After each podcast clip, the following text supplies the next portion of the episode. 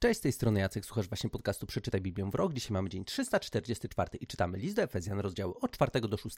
Gdybyście chcieli dowiedzieć się więcej na temat tego podcastu, wejdźcie na stronę bibliawrok.pl. Po pierwszej części listu do Efezjan, w której to Paweł wyjaśnił nam kwestię tego, w co powinniśmy wierzyć, co jest treścią wiary, co jest istotą wiary. Podobnie też jak ta struktura była zachowana też w innych listach, które wcześniej czytaliśmy, gdzie pierwsza część była taka powiedzmy sobie w cudzysłowie teoretyczna, a druga jest praktyczna. Tak też jest teraz, bo po tym, kiedy Paweł wyjaśnił już kwestię ogromu tego, co Bóg dla nas uczynił, od początku rozdziału czwartego czytamy: Zachęcam was zatem ja, więzień w Panu, abyście żyli w sposób godny powołania, którego staliście się uczestnikami. Postępujcie z wszelką pokorą i łagodnością, cierpliwie znoście jedni drugich w miłości. Dokładajcie starań, by zachować jedność ducha w spójni pokoju, jedno ciało i jeden duch. Jak też zostaliście wezwani w jednej nadziei związanej z waszym powołaniem. Jeden Pan, jedna wiara, jeden chrzest, jeden Bóg i Ojciec wszystkich, który jest ponad wszystkimi, przez wszystkich i we wszystkich. Każdemu zaś spośród nas zostana dała łaska zgodnie z miarą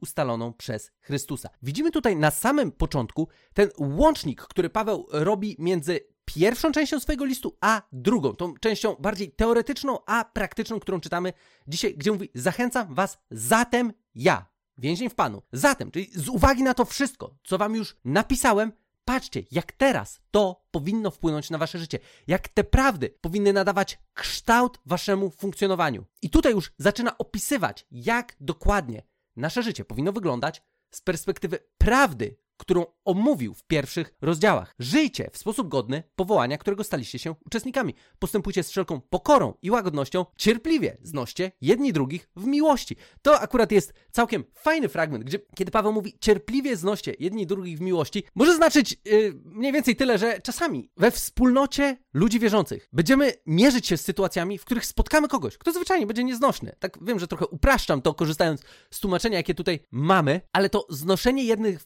jedni drugich w miłości jest czymś, do czego Paweł w różnych miejscach w swoich listach wraca. Jak ważne jest to, że czasami, zwyczajnie, będą ludzie, którzy nie będą nam się podobać, będą ludzie, którzy będą w jakiś sposób zachodzić nam za skórę. Mniej lub bardziej świadomie, jakkolwiek. Wyzwanie Pawła jest takie: znoście jedni drugich w miłości. I dalej dokładajcie starań, by zachować jedność ducha w spójni pokoju. I dalej mamy tych kilka takich rzeczy, które są jedne, gdzie Paweł podkreśla to, że wiara powinna być spójna, jednolita. Powinniśmy w miarę w podobny sposób myśleć, bo Bóg jest jeden. Jest jeden Bóg, jedna wiara i tak dalej. Tam jest jeszcze kilka innych rzeczy wymienionych, które po raz kolejny zresztą widzimy, że podkreślają to zabieganie Pawła o jedność. I to się pojawia tak często w tych listach, że no naprawdę ciężko jest to zignorować. Ciężko jest zignorować to, jak często Paweł woła o jedność. I teraz, on nie mówi, wszyscy myślcie do końca tak samo i musicie się we wszystkim zgadzać.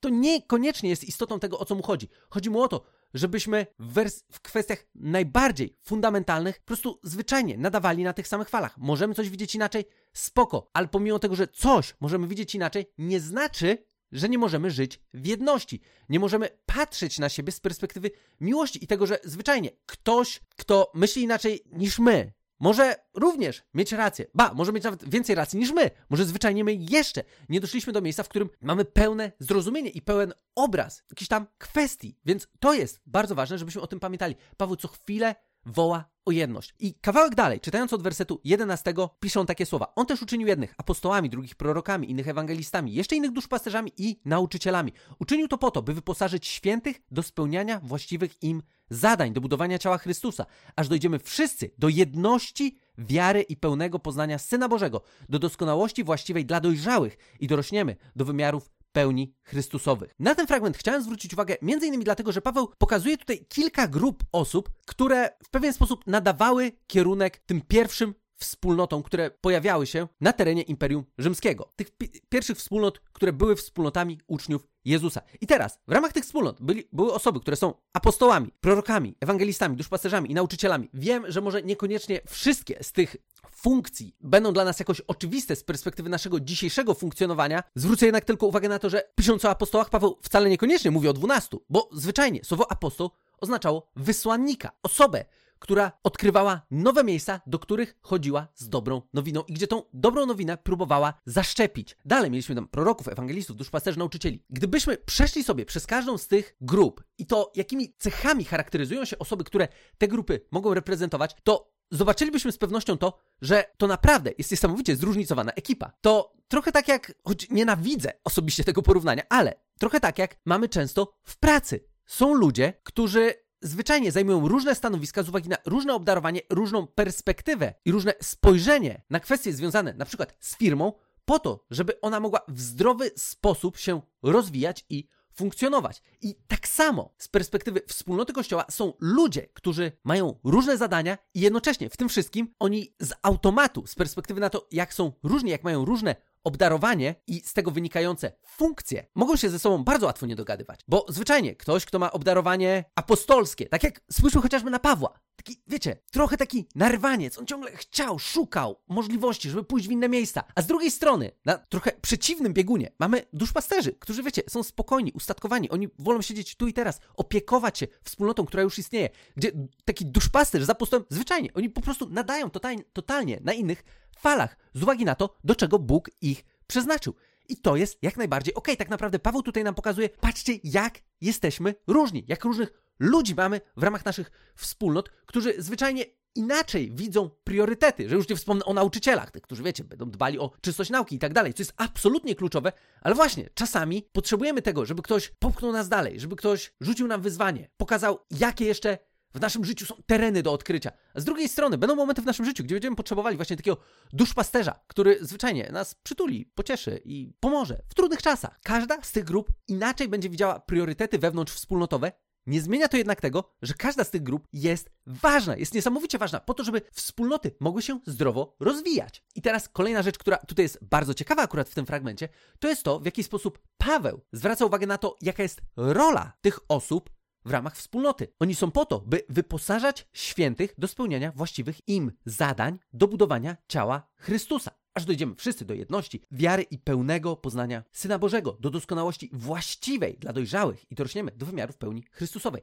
Ważne tutaj jest to, że my często na osoby, które zajmują jakieś bardziej prominentne funkcje w ramach wspólnot, patrzymy jako na tych, którzy są po to, żeby służyć innym, żeby ich pomagać, wspierać i tak dalej. A tutaj Paweł pokazuje, że ich zadanie przede wszystkim to jest to, żeby ciebie i mnie przygotować do tego, żebyśmy to my mogli realizować zadania, które Bóg przygotował dla nas. To nie jest tylko to, że oni są od tego, żeby te zadania realizować, oni są od tego, żeby przygotować innych. Tutaj używa słowa świętych. No to jest też słowo, które bardzo często się pojawia w określeniu ludzi wierzących, świętych, czyli oddzielonych od tego świata, żyjących dla innych celów, dla Bożych celów. W taki sposób właśnie postrzegani byli uczniowie Jezusa. I w taki sposób w zasadzie my powinniśmy patrzeć na siebie. Tu nie chodzi świętych doskonałych, tu chodzi świętych, zwyczajnie przeznaczonych do pewnego wyjątkowego zadania. I tym zadaniem jest to, żeby budować ciało Chrystusa, aż wszyscy dojdziemy do jedności wiary i pełnego poznania Syna Bożego. I cel tego jest opisany dalej w 15 wersecie, gdzie Paweł mówi: Zależy mi, byście pod każdym względem, jako prawdomówni w miłości, rozwijali się coraz i coraz bardziej przypominali Jego, który jest głową Chrystusa.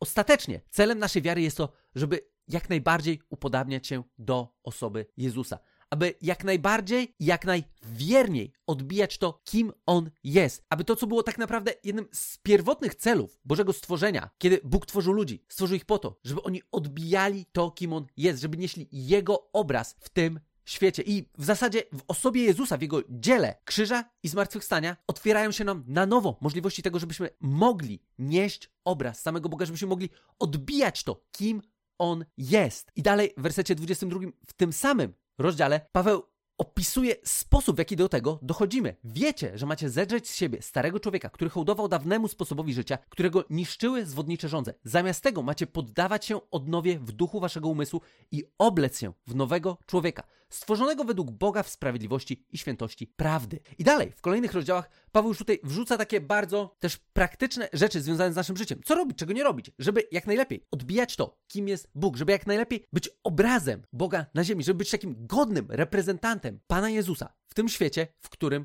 żyjemy. I teraz, mając jeszcze w tych rozdziałach kilka bardzo ciekawych fragmentów, naprawdę one, on, te rozdziały są świetne. Z miłą chęcią przeczytałbym je w całości i po prostu nie mówił nic więcej, ale jest fragment, który wzbudza często niemałe emocje. I ten fragment znajduje się w piątym rozdziale, gdzie dalej Paweł opisuje te praktyczne zastosowanie prawdy Ewangelii w naszym życiu, odnosząc się do instytucji rodziny, która w Cesarstwie Rzymskim w tamtych czasach e, wyglądała trochę inaczej niż to, jakbyśmy my sobie to wyobrażali nawet z perspektywy naszych czasów, gdzie wiecie, mąż był w ogóle głową wszystkiego, on rządził, miał wszystko w garści i w zasadzie wszyscy mu podlegali, robili to, co chciał. Facet był tym, który nadawał kierunek całej rodzinie i żeby było jasne, to wcale niekoniecznie jest tak, że ci faceci byli jakoś tam szczególnie osobami zwracającymi uwagę na innych. No nie, mieli władzę, zwyczajnie. Facet w rodzinie miał taką władzę, że nie bardzo można było mu się postawić. Bez względu na to, czy jesteś żoną tego gościa, czy jesteś jego dzieckiem, czy jesteś jego służącym. Zwyczajnie, on jest tym, który rozdaje karty i od którego całe życie rodzinne zależy. I teraz, mówiąc o tym, że od faceta zależało wszystko w rodzinie i on miał pełną władzę, mógł robić co sobie chce, Paweł pokazuje w jaki sposób, znając ten model rzymskiej rodziny, rzymskiego domostwa, w jaki sposób chrześcijanie żyjący w tamtych czasach powinni funkcjonować.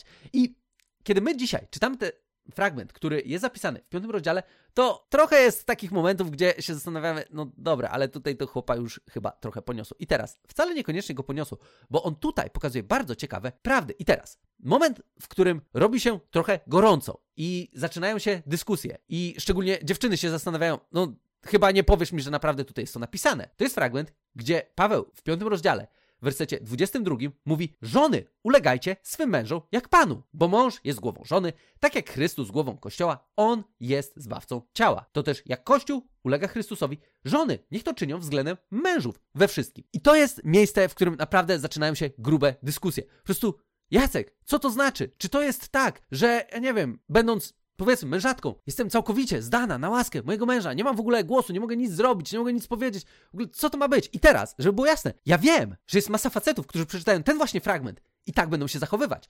Jak po prostu totalne gnojki, myśląc, że mają jakąś władzę nad kimkolwiek. To wcale nie jest to, o czym Paweł tutaj mówi. Bo specjalnie przeczytałem ten fragment od 22 wersetu, pomijając 21, bo 21 rozpoczyna kwestię opisu funkcjonowania rodziny.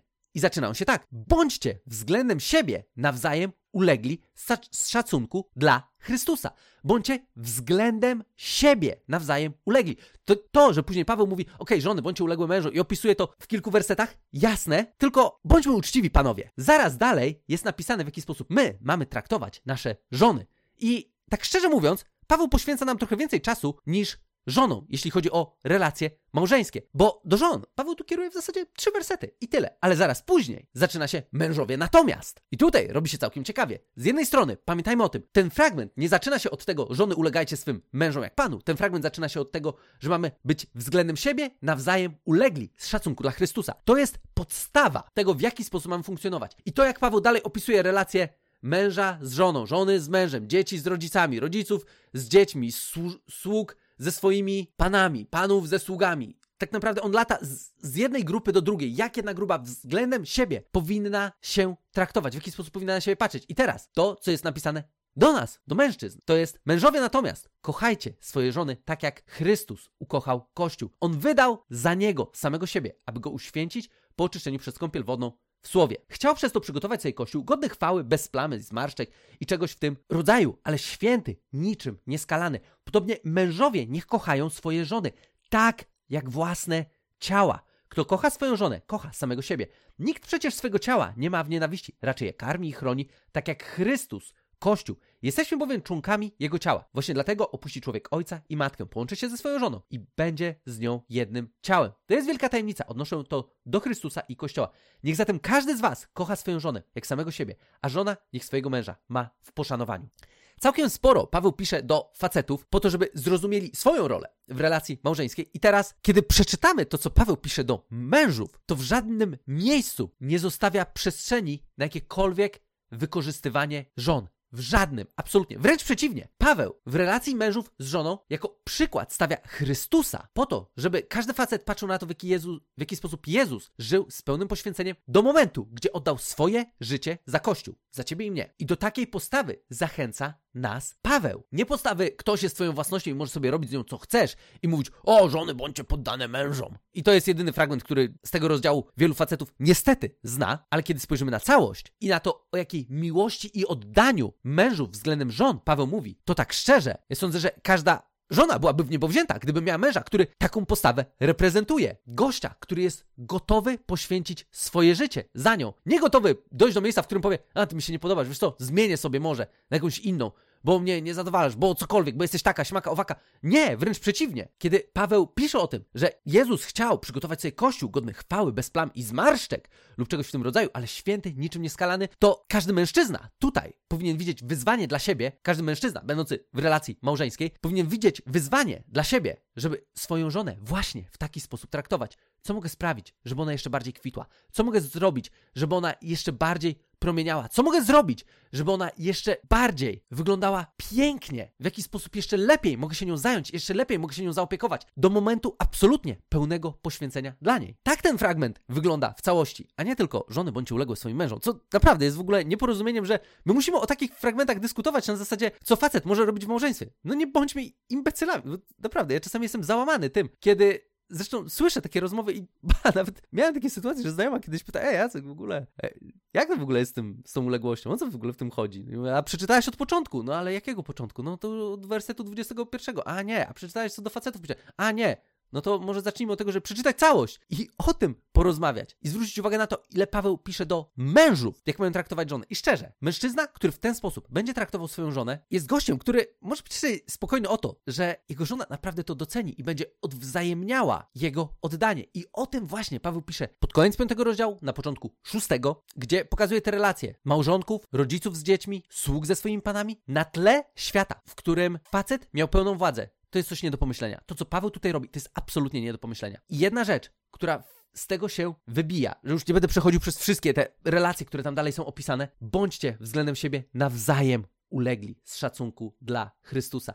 Wzajemna uległość to jest to, do czego jesteśmy powołani w naszych relacjach, gdzie niejako patrzę na drugą osobę jako na ważniejszą ode mnie, jako na osobę, która zasługuje na pełen szacunek, miłość i oddanie. I każda strona w tych relacjach powinna w taki sam sposób funkcjonować, odwzajemniając to oddanie, odwzajemniając miłość gotowa do pełnego poświęcenia. Wyobraźmy sobie rodziny, które tak funkcjonują. Wyobraźmy sobie małżeństwa, które tak funkcjonują, gdzie małżonkowie wręcz prześcigają się w okazywaniu sobie szacunku. Świat naprawdę wyglądałby inaczej. Gdybyśmy wzięli sobie do serca te prawdy, które Paweł nam tutaj kieruje i pamiętali o tym, że to nigdy nie jest jednostronne. To nie jest tak, że ktoś ma być uległy względem kogoś po to, żeby ta druga strona miała w ogóle totalnie, nie nieporozumienie, ale mieć jakąś władzę nad kimś innym. Nie! Władzę nad nami wszystkimi ma Jezus, a my powinniśmy być tymi, którzy Jego oddanie, poświęcenie i miłość odwzajemniają innym i prześcigamy się w tym, żeby jeszcze lepiej szanować, honorować, obdarzać szacunkiem, czcią, miłością innych. I kiedy będziemy robić to wobec siebie nawzajem, Naprawdę, nasze relacje będą kwitły, będą piękniejsze. Kiedy każdemu z nas będzie zależało na tym, żeby druga strona w relacji jeszcze bardziej rozkwitała przez to, że ma w swoim życiu również mnie. Tyle z mojej strony na dzisiaj. Gdybyście chcieli dowiedzieć się czegoś więcej, mieli jakieś pytania, możecie wejść na stronę bibliawrok.pl bądź możecie do mnie napisać na adres jacekmałpa.bibliawrok.pl I do usłyszenia w kolejnym odcinku.